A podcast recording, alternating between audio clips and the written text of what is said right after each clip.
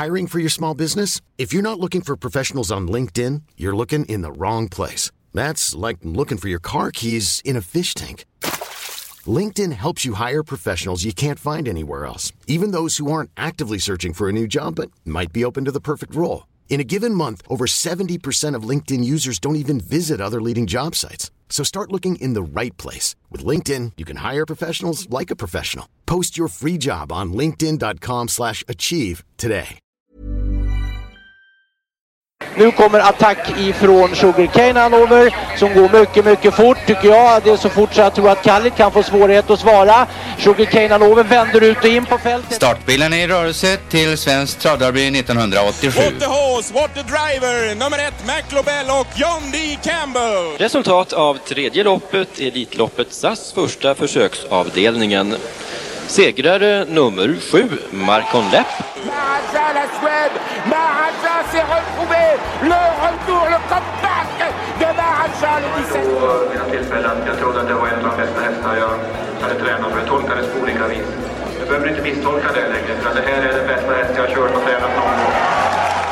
Barenne, me gusta, me gusta, me gusta! Un classico, no problem! Barenne, facile, alla me! Tisdagen den 26 juli har vi kommit fram till. Hugo Åbergsdagen 2022 faktiskt. Kommer vi återkomma till lite längre fram.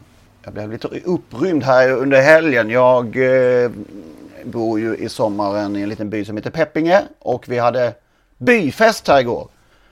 Och vi berättade alla och en var om, fick berätta om våra hus och dess historia. Det lilla vi, vi kunde om, om vårt till exempel. Det, vi bor i en gammal, en gammal rektorbostad faktiskt. Och det visade sig att den gamle underhållaren Stellan Sundahl hade faktiskt bott i ett av husen här i Peppinge. Det gjorde mig lite glad. Den eh, fantastiska tv-underhållaren från, eh, vad ska vi säga, 70, 80, 90-tal. Som gick bort för tidigt om jag Mycket minns för tidigt ja. ja. Vi kanske kan klippa in någonting här från Snacka om nyheter eller något. Eh, Socialdemokraten i bostadsutskottet, Lennart Nilsson, han kritiserar starkt Maj-Inger Klingvall. En ansvarig minister borde åtminstone se problemet och försöka finna lösningar. Ansvar, minister och lösning, det är inte ofta man ser de tre orden i en och samma mening. Trots allt så... Eh, Trots allt så känner sig Klingvall inte säker på att förändringar faktiskt är nödvändiga. Vilket gör det lätt att åtminstone peka på en tänkbar förändring. Eh, vi ska ta och titta på ställningen och det visar sig att båda lagen har en obetalbar fyra. Ja, jag blev glad att man bor i en by där Stellan har funnits till. Och skrev mycket, många av sina skämt i huset dessutom. Gjorde han. Ja, men jag var ju hos, jag var ju hos Henrik och det var ju någon granne där också som jag kände igen. Tidigare ägare. Journalisten. Ja, just det. Just det. Kjell Albin Abrahamsson. Just det. Som också gick bort lite för Det är tidigt. bara kändisar i den där byn. Ja. Eller har Men varit. eh, vi har fått bättre upp här när det gäller eh, att eh, ha fina människor i, i, i sin by. Magnus? Ja, jag vet inte det. Jo, men det kan man i alla fall för, för de som gillar trav mer än... Om man är en travpodd. Exakt. Nej, men det visar sig att jag, jag eh, har ju fått en del nya grannar och en av de här grannarna, han eh, var faktiskt barn på den tiden när Olle Goop var väldigt tidig i sin hästkarriär och hade hästar i, i på en plats här, inte jag så kallat stenkast härifrån. Jag kan inte platsens namn bara, men, men de brukade kuta dit och vara med och, och ja, få kika på hästarna när Olle höll på där. Så att eh, det är tydligen väldigt nära här. Jag ska försöka ta reda på lite mer. Det kom så plötsligt den här informationen så att jag var, hade inte journalisthjärnan påkopplad riktigt. Jag tyckte bara att det var... Jag la det på minnet för fortsatt... I Sågmyr alltså. Ja. Och det heter någonting i närheten här. Det är ju skamligt att jag inte har lärt mig det än. Men det, det finns många små namn på olika platser här omkring. Och på en av de platserna, där hade Olle Goop ett gäng hästar. Nu får du ett uppdrag att ta reda, dokumentera vad, var Olle Goop höll till. Ja, verkligen. Det ska jag göra. Lägga ut på Instagram om ett annat. Det ska jag göra. Hur långt är det från, eller till Rättvik därifrån? Och det är inte kolossalt långt alls. Det är nog en tre mil, kanske tre. Något sånt. Det går nog att gå över skogen så är det ännu närmare tror jag. Och då ropar man saker. Ja, jag kan ställa mig vid sjön och lyssna ibland kanske det Ja. hörs. Ja. Ja, det är vårt 186 avsnitt det här och faktiskt eh, så blir det det sista Inte för evigt, utan i den här formen. Du kan väl förklara lite Magnus hur, hur eh, det kommer gå till fortsättningsvis? Ja, fortsättningsvis kommer det att gå till så att för att få höra allt eh, vi säger, i alla fall 95 procent av det vi säger, så, så måste man ha en eh, prenumeration då, eller vara en eh, Patreon som det heter. Det här har vi ju haft möjligheten att stötta oss på det sättet har vi ju haft egentligen snudd på sen vi gjorde comeback här i alla fall. Vi har haft ett par år va? Eh, har vi haft Patreon och vi har ju ett antal personer som har stöttat oss där. Men, men nu kommer det att krävas eh, en sån prenumeration där man betalar 20 kronor per publicerat avsnitt. Det, det tas inga, dras inga pengar från någonting utan, utan att vi har publicerat ett avsnitt. Så det, det kostar ingenting i månaden utan att man får lyssna på något. Just det. Och hur gör man då om man är, redan är Patreon? Då får man gå till sin eh, personliga sida på den sajten och eh, logga in om man inte redan är inloggad. Och hitta oss, Trottosport. Sen går man in under eh, det som heter Membership. Och i den välkomsttexten som finns där, som kommer dyka upp, så hittar ni också en så kallad RSS-länk. Man kopierar helt enkelt den och eh, så finns det instruktioner där hur man gör för att klistra in den här RSS-länken i podcast-appen. Antingen Apples eller om man har någon annan app som man utnyttjar för poddar. Om man inte är Patreon så går man till samma sajt, patreon.com och skapar ett konto. I menyn till vänster där så klickar man på en kompasssymbol för att hitta kreatören eller creator. Skriv då in Trottosport där och väl hos oss så klickar man på join eller gå med om man har det på svenska. Där fyller man i alla sina uppgifter och sen är det helt enkelt klart. Då kommer en välkomsttext upp även för er och man får också ett mail med all information om den här aktuella RSS-länken. Om det är någon som har bekymmer med det här så mejla oss, skicka direktmeddelande på Twitter eller Instagram Maila på podcast.autosport.gmail.com eller till mig personligen henrik.ingvarsson.celia.com så ska vi lösa det här till er utan, utan bekymmer. Vi har fått mail till just podcast.autosport.gmail.com Viktor Jonsson, en trogen lyssnare och Patreon för övrigt, eh, rapporterar in om två segerlösa hästar. Halsta Lotus halvsyster, Halsta Malou, var helt enkelt inte lika bra som sin halvbror. Sprang in 175 000 och hade på 120 starter 0, 7, 13 i placeringar. Segerlös därmed. Ännu värre var, eller lite mer imponerande som Viktor uttrycker det, Lapp-Love. Han tävlar fortfarande och har i skrivande stund sprungit in 458 200 kronor och har på 138 starter 0 segrar. 10 andra platser och 20 tredjeplatser.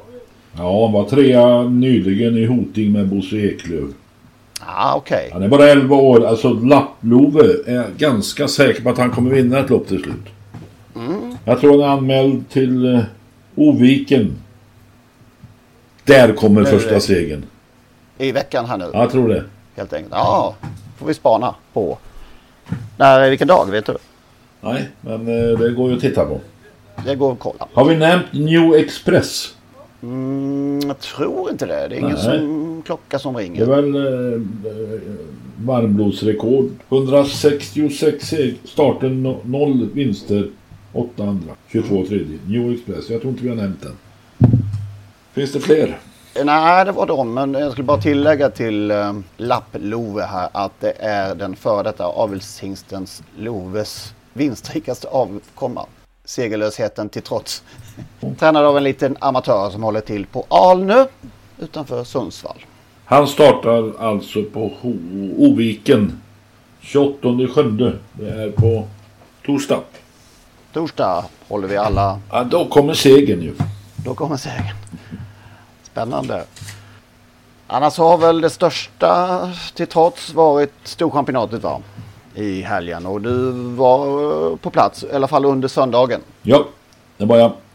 Och eh, som jag nämnde, alltså jag har ju trott på Debores så i sedan evigheten början. Men eh, jag sa väl också i förra podden att den som jag var mest rädd för mot Debores var Great Skills. Och jag hade på känn att Daniel Wäjersten hade ställt henne i ordning för att vinna det här loppet. Och dessutom gav henne chansen genom att köra stenhårt från start. Tvingades sen släppa till Arabok och kom ut eh, i god tid men eh, sjabblade ju lite där och bröt ut ett par spår vilket man kan diskutera om det var rätt eller fel. Men när han ryckte bommen tussarna. Men eh, ja det var ju Daniels största seger naturligtvis. Han såg sitt första storchampionat eh, 19, 2001 som 11-åring. Nu 11 år senare så vinner han det här loppet då.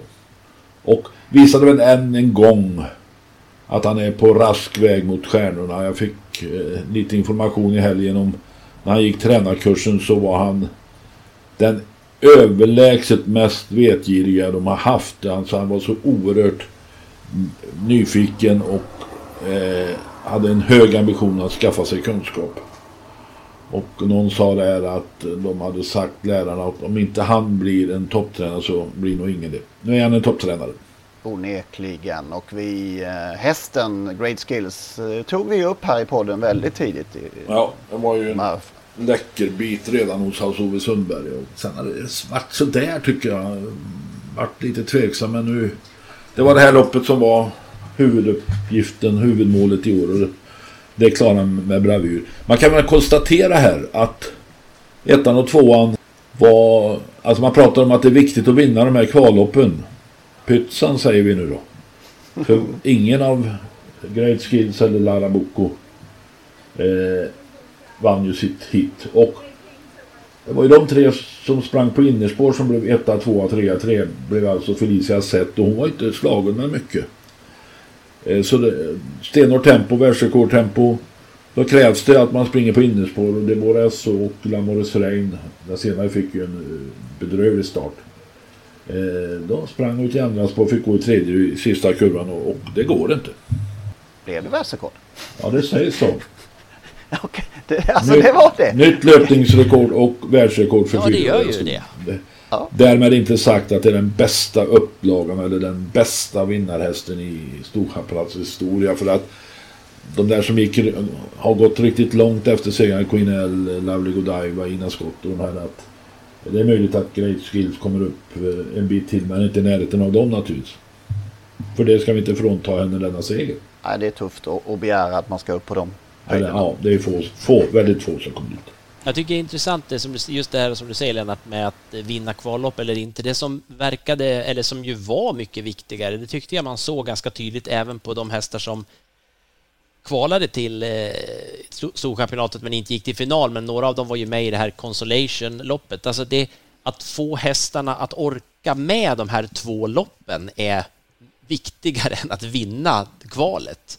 Eh, det var det var ju flera hästar, alltså om man tittar bara på Daniel Wäjersten, han verkade ju rätt brydd vad han skulle hitta på till finalen för att uppenbarligen hittade han ju på något, eller i alla fall höll han hästen minst lika bra som i, som i uttagningsloppet då. Men, men eh, jag tyckte det var intressant att se att det var, det var många hästar som visade att de absolut inte mäktade med att gå ett ganska tufft uttagningslopp och sen också prestera i finalen. Bland annat Cashmere River som väl kanske inte såg superbra ut i uttagningsloppet heller. Hon fungerade ju inte alls och blev ju till och med, eh, fick ju startförbud till och med. Jag har ju förstått att Daniel hade insett att det går inte att köra barfota med sin häst både i försök och final. Och nu tog han ju av skorna till final och satte i rycktussar för första gången. Eh, så hans plan, han hade en långsiktig plan och den höll. Ja, det måste ju vara otroligt eh, tillfredsställande när man... Man förstår ju, de jobbar ju året runt med sina hästar. Vi ser dem ju till de här uttagningsloppen och allting, men man förstår ju att det, det, det finns oftast i alla fall ett långsiktigt tänk och det måste ju vara jätteroligt att få, få naturligtvis vinna Storchampionatet oavsett upplägg. Men som sagt, det var, det var lite intressant att höra hans... Eh, han såg, han var ju chockad även efter att han hade vunnit eh, finalen här nu, men han var även lite sådär efter uttagningen att han var, vad ska jag göra? Hur ska jag hur ska jag få... Ja, alltså jag följde honom lite efter final, efter finalserien. Han var, han var som han uttryckte själv tom.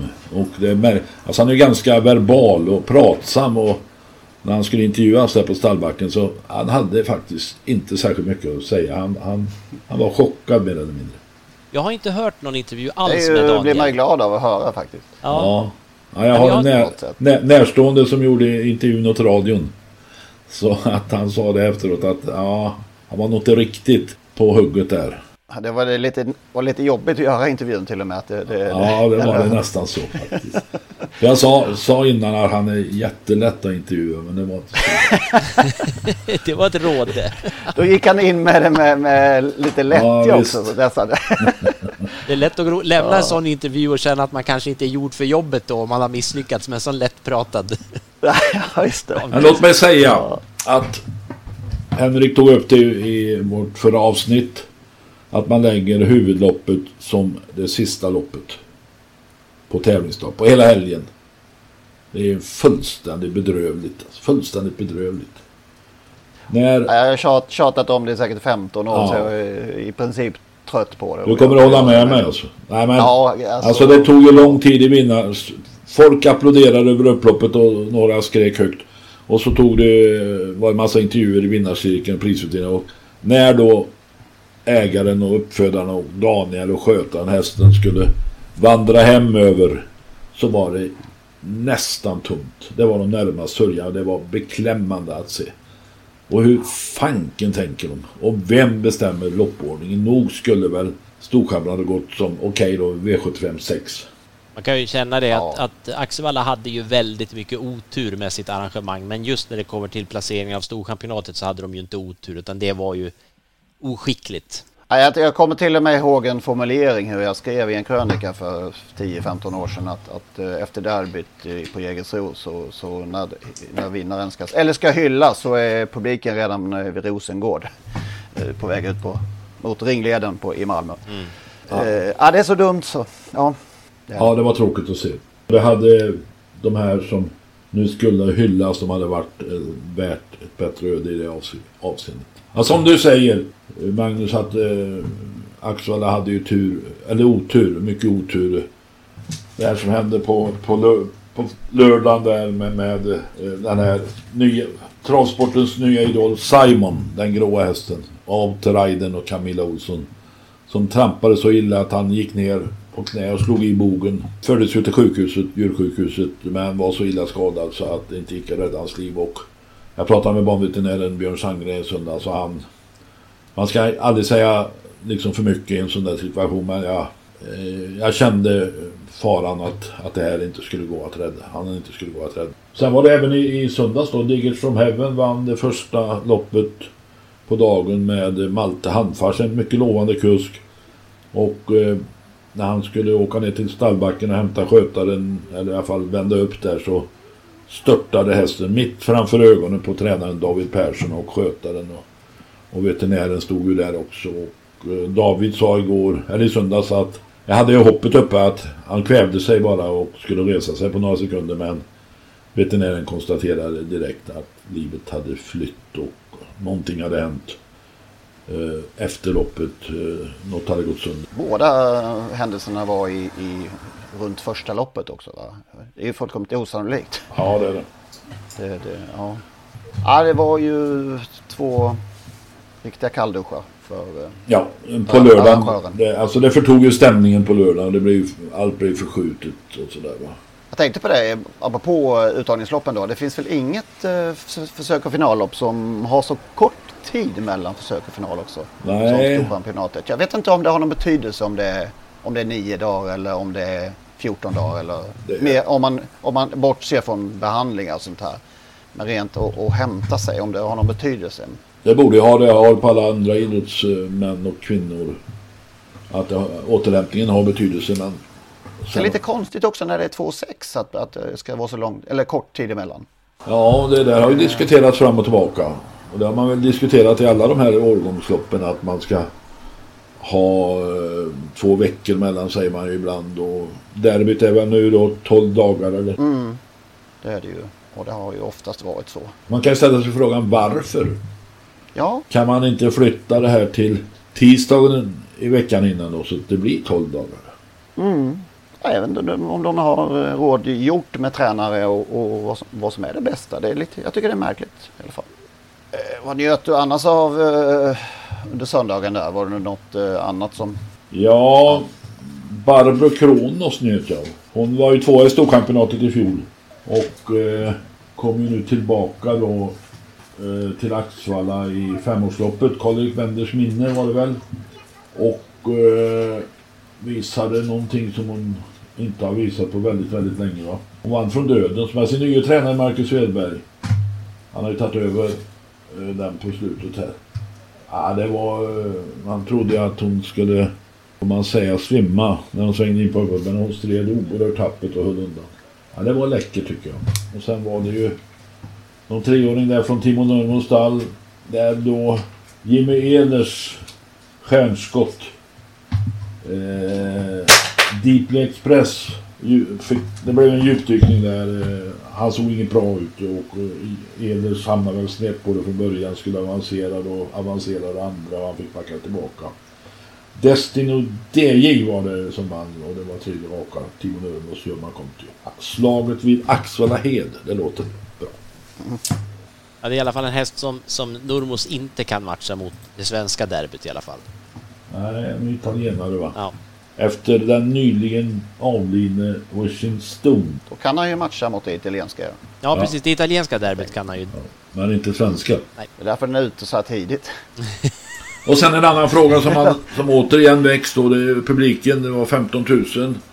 Jag orkar vi en vända till? Ja, det kommer vi få hålla på. Nej, men det var väl ungefär som väntat. Det brukar halveras. Klarar de ens det? Ja, det kanske De de gjorde inte det totalt? Ja, jag vet Ja, 15 000 totalt.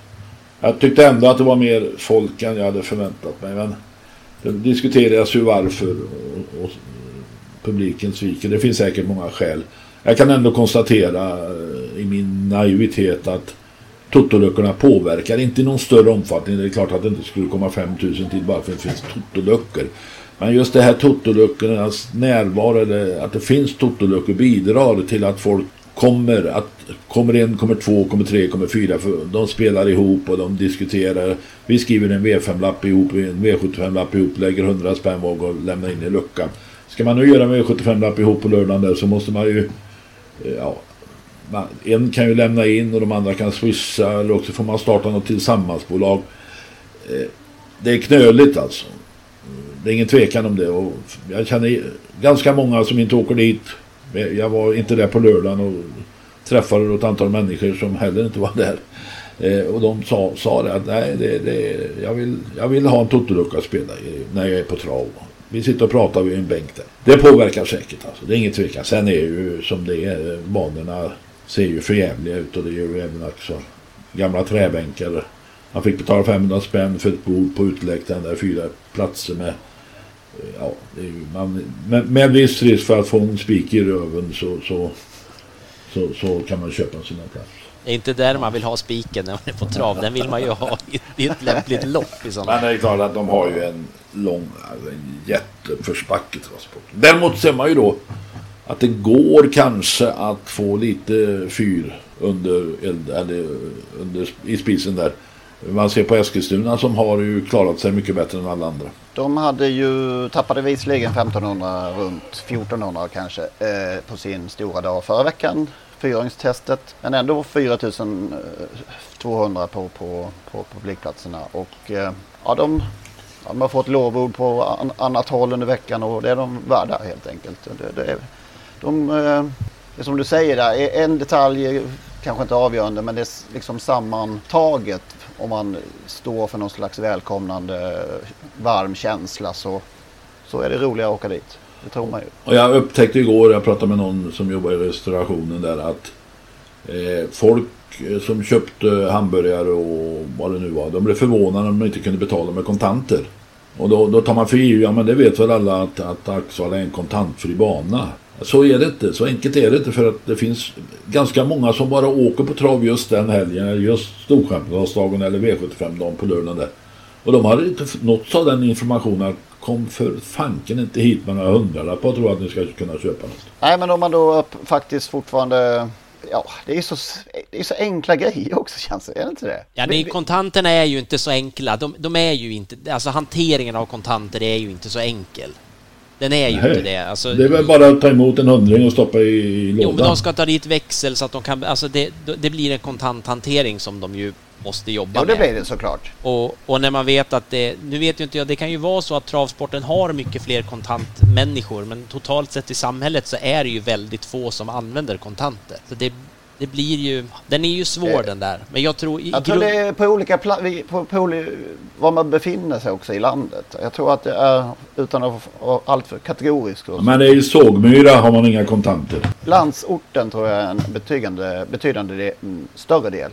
Jag fick höra att i den glasskassa som de eh, hade på Sundbyholm förra veckan så var, när de räknade ihop den så var det 32 procent av den var i kontanter. Ja, så tror jag. Det finns, säkerligen finns det undantag, det tvivlar jag inte på, men totalt sett i samhället så är det ju få. Jag tror det, det, den här nyckeln som, som Eskilstuna, utifrån det, det jag har fått berättat för mig vad Eskilstuna gör i samband med ett sånt här arrangemang som de hade nu. Man, man, man vill ha publik också. Man, vill, Ja, alltså, man, man, man blir inte det. irriterad på folk som kommer dit, utan man har ordnat så att det, när jag kommer dit så känner jag att ja, men de vill att jag ska komma. Man har inte spänt upp rep över publikplats, man har inte stängt allting. Man har, det är liksom där Sen måste man naturligtvis lyckas få ut det till alla som, som kommer också redan innan då såklart, men det, man får ju jobba lite på sikt med sånt här. Det, det är klart att folk inte kommer om, om man vet, ja förra gången vi var där, det var ingenting öppet, det var ingenting och så vidare. Och man kände sig mest besvärad, till besvär när man kommer. Det är klart att då, kom, då åker man inte på någonting. Jag inser ju att, att man inte kan ha kvar det här med totoluckor i all evighet. Men man borde ha kunnat fasa ut det på ett mycket smidigare sätt. En annan omständighet är att för att eh, kunna komma in så ska man gå via något, något bolag, Tixter eller vad tusan det heter. Ja, den här frågan med, med biljetter på travbanan, den tycker jag är ofattbar. Det var en väldig skillnad om det var så att det fanns 2000 platser på en travdag och att man helt enkelt ville vara säker på att få en plats om man köper en förköpsbiljett. Men herregud, det finns ju inte en travbana som det blir fullt på idag. Så varför ska man köpa biljetter i förväg? Och så? Det är klart att man ska ha en lucka för biljetter. Jag förstår inte varför är, man har... då är vi där med kontanthanteringen. Ja, ja men du kan ju fortfarande swisha och så. Det, det går ju fortfarande att betala utan kontanter. Men, men man ska ju inte behöva hålla på och logga in, registrera ett konto skapa för att gå på ett evenemang som det... Det finns hur mycket plats som helst. Det är klart att du inte kan komma till Friends och titta på en fotbollsmatch utan att vara säker på att det finns en biljett. Men du kan ju... Alltså det får inte vara... Det, det är återigen, man måste, måste ändå känna att de vill att jag ska komma. Där är vi överens. Ja, om, om vi återgår till, till Eskilstuna här så, så den här tweeten de skickade ut med att ehm, ja, kom hit och eh, du kan betala med vad du vill och vi har totoluckor och eh, allt vad det var. Den ses ju nästan av an, utomstående som lite provocerande har man, Ja, de har man en känsla av. Det, Ja, det är så absurt. Andra banor är ytterst irriterade på att Eskilstuna Ja. håller på sådär. Det är så jävla... Han kommer inte hit och gör det enkelt för publiken. Nej. Ja, det är lite upp och nervända världen kanske. Det är spännande att se hur eh, det ser ut på Jägersro denna tisdag då. Om eh, de lyckas. Men det är väl, vi får väl ha små förhoppningar. Har du beställt fall- biljett? Ja, det har jag inte faktiskt. Nej, Jag räknar med att få komma in faktiskt. Det borde väl ändå. Och eh, med fyra konferenserer på plats så är väl allt bäddat för publikfest. Räknas de in i publiken man, det är väl därför man åker på, på trav. för att-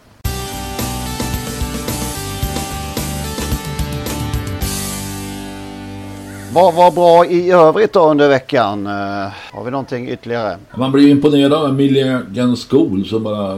Så fort han kommer till Axa så vinner han. Kanske hans, eh, jag hatar de här årstidshästarna som vissa eh, håller på med. Men det kanske ligger någonting i det. Men det är ju hans, var väl vid den här tiden i, i fjol han var så himmelens bra. Ja, man, väl- han har vunnit det där loppet tre år i rad om jag minns rätt. Och gick ju sen vidare och vann väl och bestod va? Ja.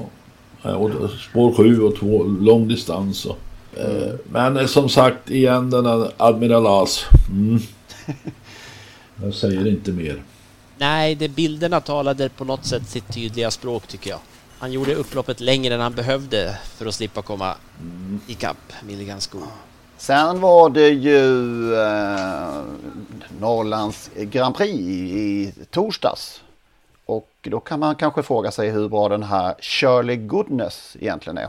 Den, den, den, den segern sa väl egentligen ingenting. Nej, hon såg väldigt Ja, fin hon. ut som, Fin det, som det ja. brukar heta.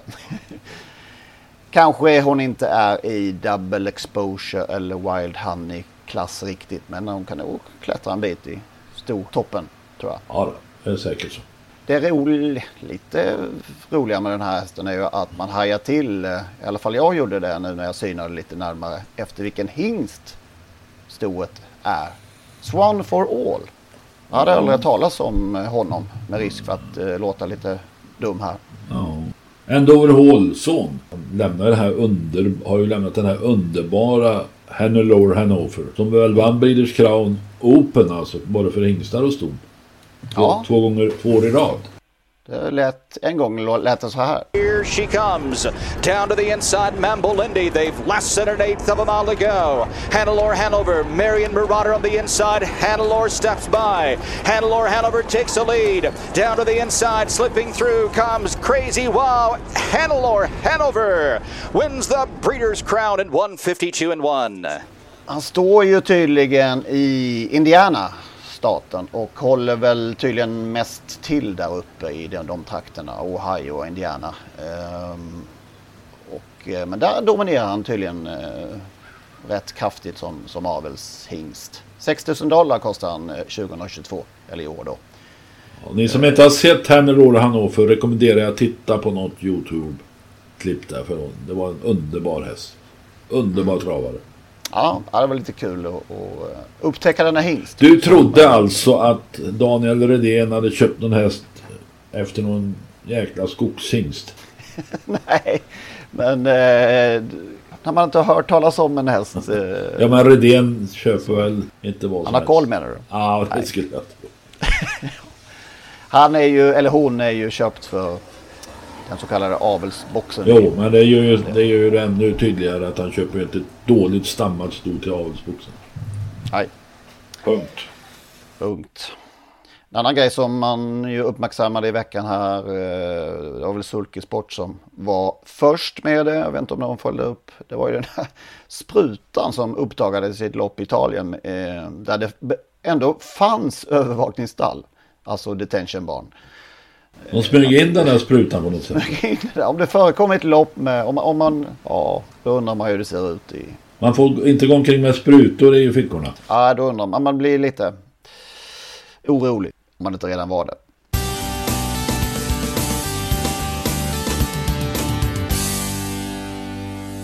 Till slut kom ju en liten uppföljning, eller inte så liten, först i Expressen och lite senare i, Aftonbladet om vår nyhet eh, om eh, den eh, aktuella proffstränaren som får behålla licensen trots indragen F-skatt och trots stora skatteskulder. Det var lite intressanta citat där tyckte vi va? Men det jag läste i Aftonbladet, tränaren själv är inte det minsta orolig att han ska bli av med licensen. Men sen sa ju Robert Karlsson något häpnadsväckande. Åter en gång häpnadsväckande.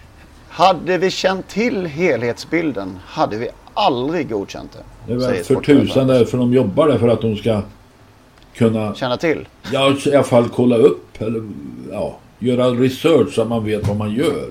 Om nu en tränare vill flytta sin licens från ett bolag till ett annat så finns det naturligtvis har han naturligtvis något skäl till det och, då får, och när ST får kunskap eh, om detta så behöver man väl då titta varför gör han det, höra med en varför gör det och sen utföra kontroller. Alltså det är ganska enkelt att se hur det där bolaget ligger till och det har ju du visat Henrik genom att med ganska enkla journalistiska metoder ta fram skulderna.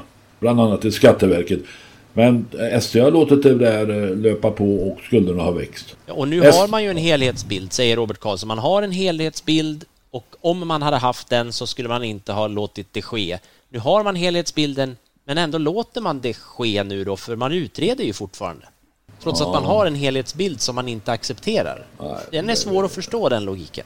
Nej, det, fin det finns ingen logik. Det, det är utred Jag pratade med flera i helgen. Det, är, det är ständiga svaret från eh, ST sportchef. Det är att det är under utredning här vi har. Eller att vi har det under luppen. Men detta är häpnadsväckande. Att, eh, och det är ännu mer häpnadsväckande. Eller i alla fall minst lika dåraktigt. Det är att de här ST-styrelseledamöterna svär sig fullständigt fria från kunskap och, och, om ärendet. Och tycker att, eh, Remi Nilsson sa någonstans att ja så här har det gått till i hundra år, hur fan vet han det då?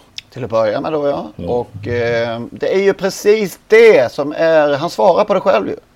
Det är precis det här vi har uttalat. Att allting bara pågår. Att till slut vet ingen vilka trådar som går vart och ingen reflekterar eller ifrågasätter liksom. Så sitter det folk på dubbla stolar både här och där och väljer själv in sig i styrelsen med hjälp av kompisar och så går det runt liksom. Det, det, det är så det går till och han svarar på det själv också. Det, här, det, är så, det har bara pågått. Jag hade en liten eh, diskussion på en golftävling eh, där jag råkade vara funktionär förra veckan. Med en ganska enkel sak eh, som jag tyckte man kunde ändra på. Men då sa ordföranden att så här har vi gjort i 37 år. Så kom inte här och lägg dig i det. Och det sa jag kanske man har gjort det i 37 år. Kanske man ändå kunde börja fundera på att, att ändra till det bättre. Nej, det går inte. En annan sak som eh, ju eh, är ett frågetecken i denna historia är ju att i slutet av mars så har det gått ut ett eh, mejl till samtliga fordringsägare med planen då för rekonstruktion och Eh, också en eh, delrapport hur ekonomin ser ut. Detta har även nått svenskt travsport i det skedet, svenskt, eh, alltså i slutet på mars fyra månader sedan vid det här laget. Det är ju ännu en omständighet som gör det hela, man blir brydd. Ja, man blir ju ytterst förvånad att det ska vara så jäkla svårt att, att hålla sig till det. Eller att travsporten ledning inte kan sätta, vad heter det, slå näven i bordet och säga så här kan vi inte ha det. Utan vi, vi glider på det lite till. Man undrar ju lite grann vad den här tränarens konkurrenter tycker. Tycker de att det inte spelar någon roll det här? Tycker de att det är okej okay att, att den här tränaren kan bedriva en verksamhet med, med, skulder genom att fippla lite med vilket bolag som är kopplat till ST och den här licensen. Ja, jag träffade flera i helgen som inte tycker så, inte, inte tycker att det är rätt. Och det är väl självklart att de flesta inte tycker att det är rätt. Även om det här och där hyll, man ska hylla folk som har helst bedragit staten på pengar. Ja, det kan man ju göra lite aningslöst lite här och där också har vi sett. Ja, men det, det är så märkligt tycker jag bara. Det, men som sagt, de har det under kontroll på SD, så vi är och men det är det som är problemet just nu, att eh, alltså, det tar lång tid att bygga upp ett förtroende. Jag, jag hade en känsla, det var naivt naturligtvis, jag hade en känsla av att Robert Karlsson skulle med sin eh, pondus kunna bygga upp, öka förtroendet. Men det, det går snabbt ut för om, om man gör sådana här fatala missbedömningar. Och dessutom uttala sig fullständigt ofattbart korkat om jag får säga så. Det får du. Tack. Då slipper jag göra det. Vad tycker vi om Hugo Åbergs i, i denna tisdag dag? Om vi ska ta lite kort. Det är kanske några som lär lyssna när loppet redan har gått i mål. Men, eh, ja, men det är väl ett jättebra startfält, är det inte det? Puttrig upplaga, ja. Puttrig? Vad är det för jävla ord? Puttrig? Nej men det, jag tycker det är jättebra. Önas Prins mm. och Fanucci sett. Osk Oskar Elde har ju visat att han är på väg in i en liten Mr F-dag. Tre i Elitloppet. Stolder Show som har gått från klarhet till klarhet. Officist. Nej, det är ju hela listan. Fantastiskt lopp.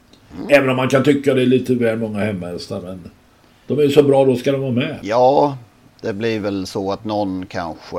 Någon för mycket slinkar in. Ja, det är lite intressant med Don Fenocci sett från innerspår. Vi såg Hail Mary från innerspår nyligen. Ja, det var ju fascinerande att han lyckas med det konststycket, eh, Örjan. Att bli fast i det där lilla fältet, det trodde man kanske inte. Nej, han var, jag tror inte han var jätteintresserad av att försöka ta sig ut någonstans. Nej. Två av tre läste jag att Bengt Adielsson skrev att eh, Don Fanucci har felat från innespår. Men eh, ja, jag skulle bli förvånad om det händer igen faktiskt. Ja. Måste jag säga. Och Stolve Show är väl bortlottad, får vi tro. Eller? Vin, vem vinner? Nu blev det tyst. Ja, jag, jag har ju så svårt... Jag, jag får ju erkänna att jag är inte lika entusiastisk som Lennart i det här loppet. Jag har lite svårt att gå igång på, på, på årets upplaga faktiskt. Det, tyvärr. Jag tror ju att Don Fanucci vinner. Så mycket kan jag säga. Ja, jag måste ju vara... Man kan inte, vi kan inte tro samma alla. Jag tror på Önas Prins. Och jag måste hålla med Magnus. Det blir ledning runt om. Nej, han är chanslös att hålla ledning. Är det verkligen? Önas Prins tar ledningen på tre... Nej, jag bara skojar. Det kanske han gör. Men samtidigt, det finns ju en... Han har en liten risk där att han inte får galoppera en gång till. Nej, det, det, det är ju... Men då blir det svårt. Önas Prins i ledning, hemmabana och, och det där nedåtlutande upploppet. ja, vi får se. Kan vi konstatera också att Hugo Åbergs inte går som sista lopp? Den går ju som vanligt numera klockan 21.07. Solnedgången. Solnedgången. Får inte bli försenat bara för då smiter, då smiter den bakom Agnefridsvägen. Och sen på onsdag imorgon då alltså, när det efter att denna podd kommer ut så är det ju Scannel Plays minne. Oh. en sån sak. Ja. I, eh, ja, då flyttar vi längst norrut istället. Hur många gånger vann han Olympiatravet? Vann väl Olympiatravet två gånger va? Ja, han, han, det var något år emellan där han förlorade när Rival Dank här vann. I leran för Erik Adielssons. Det var hans första riktigt stora triumf. Kan man säga ja. Ja, lopp 10 på, på Boden, eller i Boden på Torpgärdan där på uh, onsdagskvällen här. Vinner Henry Flyers Iso förresten, Magnus? Ja, det beror på vem som kör tänkte jag säga lite, lite proppmätt sådär. Jag, nej, jag har sett att det är Mika Fors som kör. Jag... Det är inte din favorit, så kan man säga. Alltså, jag vet inte om det är min, min favorit kanske är fel ord, men det är en häst jag gillar i alla fall. Eh, bland nej, men eh, Mika Fors. Alltså Mika Fors, ja. Nej, det skulle jag väl inte säga att han är. Han är nog inte på min topp 10-lista, det är han inte. Inte, inte över kuskar jag gillar i alla fall. Eh, så. Här behöver man bara hålla sig i andra spår och köra rakt fram. Mm. Då var det Mika Fors vi pratade om. Nej, jag skojar lite. Eh, ja. Han har vunnit fler lopp än vad jag har gjort, så att, eh, han är duktig.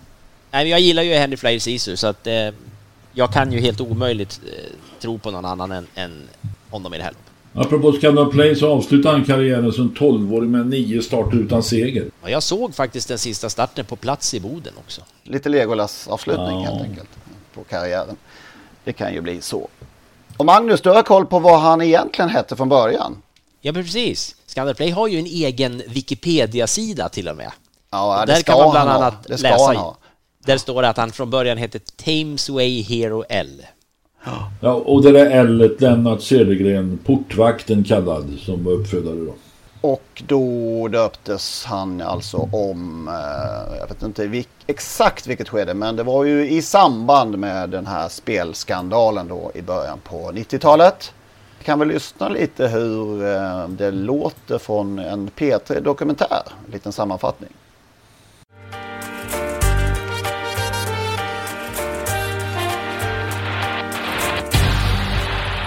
Ja, Kungälv Baltic, alltså hela 8-0. Det var ett jättekonstigt resultat, så är det ju. Vad är det som händer från Karlstad? Att det kom in så mycket spel på att Baltic skulle förlora. Mutor och storkupp. Nu skakas idrotts-Sverige och Tipstjänst av påståenden om svensk spelmaffia. 1990 avslöjar tidningen Expressen en rad mystiska omständigheter kring spel på elitmatcher i ishockey och bandy. Så säger han det, känner du till att, att det förekommer läggmatcher på, på, på bandyn? Säger han. Idrottssverige lamslås. Ingen vill tro att matcher på högsta elitnivå kan vara uppgjorda på förhand. Eh, budskapet är till Expressen att om man har några fakta som belägger påståendena så ska man redovisa dem. Annars ska man sluta släpa idrotten i smutsen på det här viset. Expressen hamnar i blåsväder och såväl källor som tidningens egna medarbetare upptäcker att den illegala spelvärlden inte skyr några medel för att behålla sina hemligheter. Det här är en tuffing, det ska du veta. Han ringde hem till mig och grät och sa att nu orkar inte jag längre mannen. Han blev så uppskrämd av detta så att eh, ja, han ville inte vara med längre. Det här är P3 Dokumentär om spelskandalen 1990. Det var ju smaskigt där på, på 90-talet, det måste man säga. Det här var ju, slog ju ner som, verkligen slog ner som en bomb. Om, även om det är ett slitet uttryck. Det gjorde det. Det darrades ja. nog på en del ställen också tror jag. Ja jäklar alltså. Och vilken skit de fick Expressen. Inledningen är jag åtminstone. Jag har väl berättat det där förut när jag satt utanför Tipstjänst hette det väl då? Ja, den är värd att, att återupprepa tycker jag. Ja, jag var utsänd där för GP, jag och en fotograf som heter Bengt Kjellin. Och det skulle, vi hade fått något tips att det skulle göras någon polisinsats där eh, mot Tipstjänsts lokaler i Sundbyberg. Så där satt vi i våran hyrbil. Timma ut och timma in. Och det hände ingenting va. Till slut så kom eh, Lars-Gunnar Björklund var någon form av marknadschef eller vd där på Tipstjänst. Han kom ut med en bricka och kaffe och smörgås. Och förbarmade sig över oss. Han, de hade upp, upp, deras säkerhetsavdelning hade uppenbart sett att det stod två, satt två skumma figurer i en bil. Han kom ut med kaffe och smörgås och sa att ni ska inte behöva sitta här och vara hungriga i alla fall. Nej, ju... Kände ni, var det lite känsla av eh, tv-kriminal? Ja, det kändes som två kriminalare satt utanför eh, och spanade på någon och blev ertappade. Någon, måste ha, någon av er måste ju ha smitit iväg emellanåt och, och köpt något i grill, någon grillkiosk. Ja, ja, jag minns inte detaljer så, men det är klart att vi hade varit utanför bilen. Så att, nej, det var ju var roligt och lite, lite pinsamt kanske. ja. Men en härlig, härligt minne. Ja, det kan man ju säga. Verkligen. Och eh, som om det inte vore nog så blir det ju faktiskt eh, dramaserie av det här. Inom ja. kort ska det alltså eh, ha premiär på eh, Spelskandalen som den kommer att heta i SVT. Så vi kan väl lyssna på trailern här kanske. Hör här och spela är egentligen inte så svårt. När du tror du vet hur det ska gå så satsar du en slant. Det finns en tipsmaffia i Sverige. Den får idrottsmän att lägga sig i viktiga matcher. Men är inte det olagligt? Det känns lite som att man fuskar.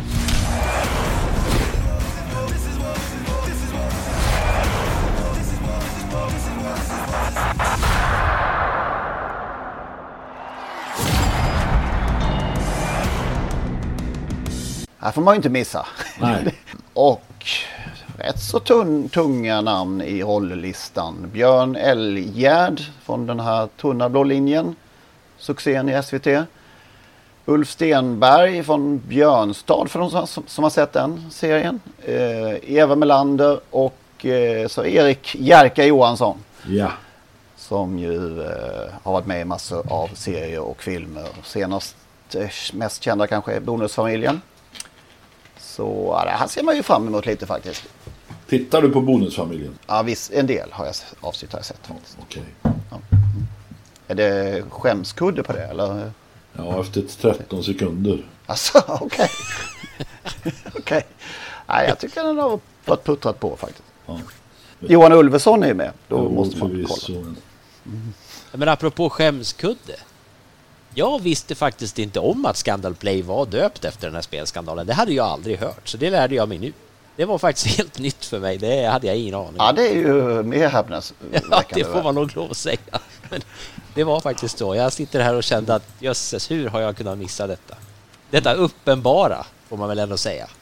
Vilka lag var det nu mer? Det var ju, Baltic nämndes ju här. Eh, Frölunda var ju- Frölunda Hockey var det ju. Och sen var det något lag till. Färjestad. Färjestad, ja. Färjestad var alltid inblandad i sådana. Men Det var ju ett sa, alltså kan jag, man har, inte lita på. Jag har många tidningsklipp från det där som jag, eftersom jag skrev om det där ganska mycket i GP. Mm. Och Frölunda och det. Ja, det kommer ju nu i dokumentären. Vi får titta om de har rätt eller fel. Ja, dokumentär tyvärr blev det ju inte, men det är en dramaserie. Ja, dramaserie, ja, förlåt. Den ehm, går också under benämningen underhållande. Så att, eh, jag vet inte. Okej. Ja, den känns inte- ju, ja, det, det krävs nog kanske att man gör något sånt för att, att det här ska eh, träffa rätt hos personer som Möjligen. inte kanske riktigt är i den, i den här lilla bubblan som man nog kanske måste vara för att begripa det här riktigt fullt ut, hur både raffinerat det var och eh, detta kring Expressen och eh, detta otacksamma avslöjande på något sätt. Då. Mm, Ja, gud. Det är en tid där, där Sverige fortfarande var väldigt oskyldigt får man säga. Ja, och Det- för, det var ändå tur att det inte fanns sociala medier. Oj, ja. Eh, Man var ju på den tiden var man ju tvungen att göra en trippel på eh, oddset. Lången va? Ja. Heter, Ja, kanske, precis. heter det kanske fortfarande. Ja, namnet finns med på vissa ställen tror jag, men det är väl kanske ingen som vet det längre. Bryr sig. Ja. Eh, Så inga singelspel eller så kunde ju förekomma. Och eh, då var ju grejen att Baltic var med tre, gång, tre gånger. Och även Frölunda då väl. Och på något konstigt sätt spelade de flera matcher i veckan. Där. Ja, fascinerande Ja, historia. det var, var mycket som ändrades efter det där. Som, som, Ja, som kan te ja. som fullständigt självklart idag, men då just det att det var långa listor med matcher plus då att man då hade samma lag förekom flera gånger. Det var, var Mm. många saker som blev annorlunda sen. Ja. V75 drar till Hälsingland till helgen.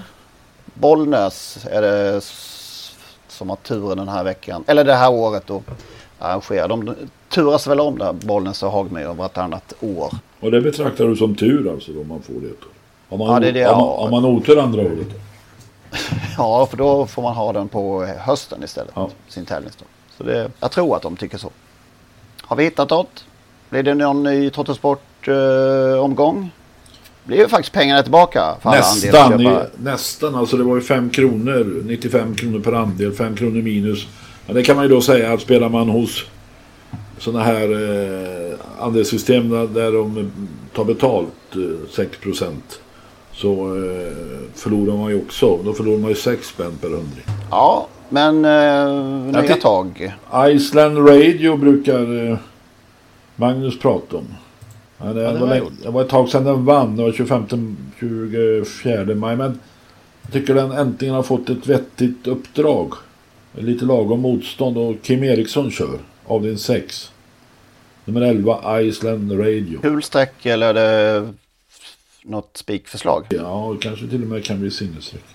Eh, sista avdelningen så... Ja, jag gillar ju den här Musetta av Djupmyran. Hon vann näst senast, tog ledningen. Senast hoppade hon när hon hade tagit ledningen i Årjäng. Eh, spår 2 nu. Thomas Pettersson. Hästar går jättebra. Hemmaplan också. Ja. Är det väl? Ja, det ser upplagt ut. Eller det ser bra ut i alla fall. Ja, det är ju någon sån där italienare med. Barn Turan kanske i Roslagsbanan. Men eh, de här Goc- Gocciadoro-hästarna, det är ju lite... Vi såg ju någon i lördags där som slutade springa 500 km. Tog med sig hästarna. Ett, ett upp och ett i minne. Ja, så kan man säga. Alltså jag tittar nu på Disco Volante var ju väl ett tag sedan han startade. Och eh, Sport 2 1600 meter och kanske dags snart. Han är helt bort, kommer bli, inte bortglömd, men han kommer inte bli mycket sträckad. Är det så? Har de tappat helt Ja, det eh, kan vara tro Sport på 2 honom? 1600 meter och i Bollnäs. Så ja. Det är inte jättehårt ut. Ja, sis- Sister Sledge, in till Bocco. Här finns ju någon, eh, någon eh, Elitloppshäst där, Snowstorm Hanover. Och Diamanten är med från spår 8 med Mats Djuse. Han vann ju äntligen senast. Men eh, Disco Volante kan vara ganska hal i ledning eh, när han är på topp. När han har form. Ja, det blir ju intressant i det loppet nu när Daniel Redén anmäler Sister Sledge igen. Eh, vad status är på henne efter den här frånvaron. Eh, är hon redo redan för att prestera som hon kan så måste hon ju ha jättebra chans, men det känns väl lite oklart. Ja. Ska vi upprepa då detta att man från och med nästa vecka eh, då krävs det alltså en Patreon-prenumeration för att kunna lyssna på oss. Det fixar man som sagt enkelt på patreon.com. Om ni redan är Patreons, gå till er sida och var inloggad och hitta Totosport. Så går man in under Membership och i den välkomsttext som finns där hittar ni den här RSS-länken som man ska klistra in i sin poddspelare. Man gör det en gång, sen är det klart. Så är det... Man kan inte betala kontant. Nej, just det, det, det. Man kan inte det tyvärr. Vi har, vi har försökt hitta lösningar. Hade vi haft sådana så hade vi nyttjat dem så att säga. Eh, och om ni inte redan är Patreons så går man in där på patreon.com, skapar ett konto. Det gör man i ett par få steg. Och i menyn till vänster där klickar man på Hitta kreatör eller Find creators. Skriv in Totosport och väl där klickar man på Gå med eller Join. Eh, och sen fyller man i uppgifterna. Och sen är det helt enkelt klart. Då kommer den här väl, välkomsttexten upp även för er och den aktuella RSS-länken.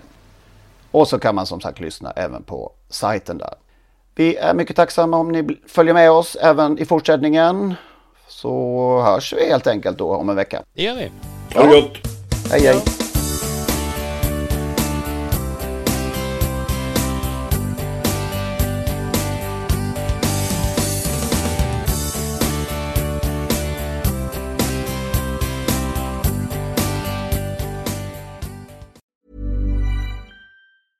Ever catch yourself eating the same flavorless dinner three days in a row?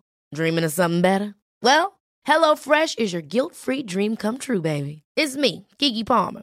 Let's wake up those taste buds with hot, juicy pecan-crusted chicken or garlic butter shrimp scampi. Mm. Hello Fresh. Stop dreaming of all the delicious possibilities and dig in at HelloFresh.com. Let's get this dinner party started.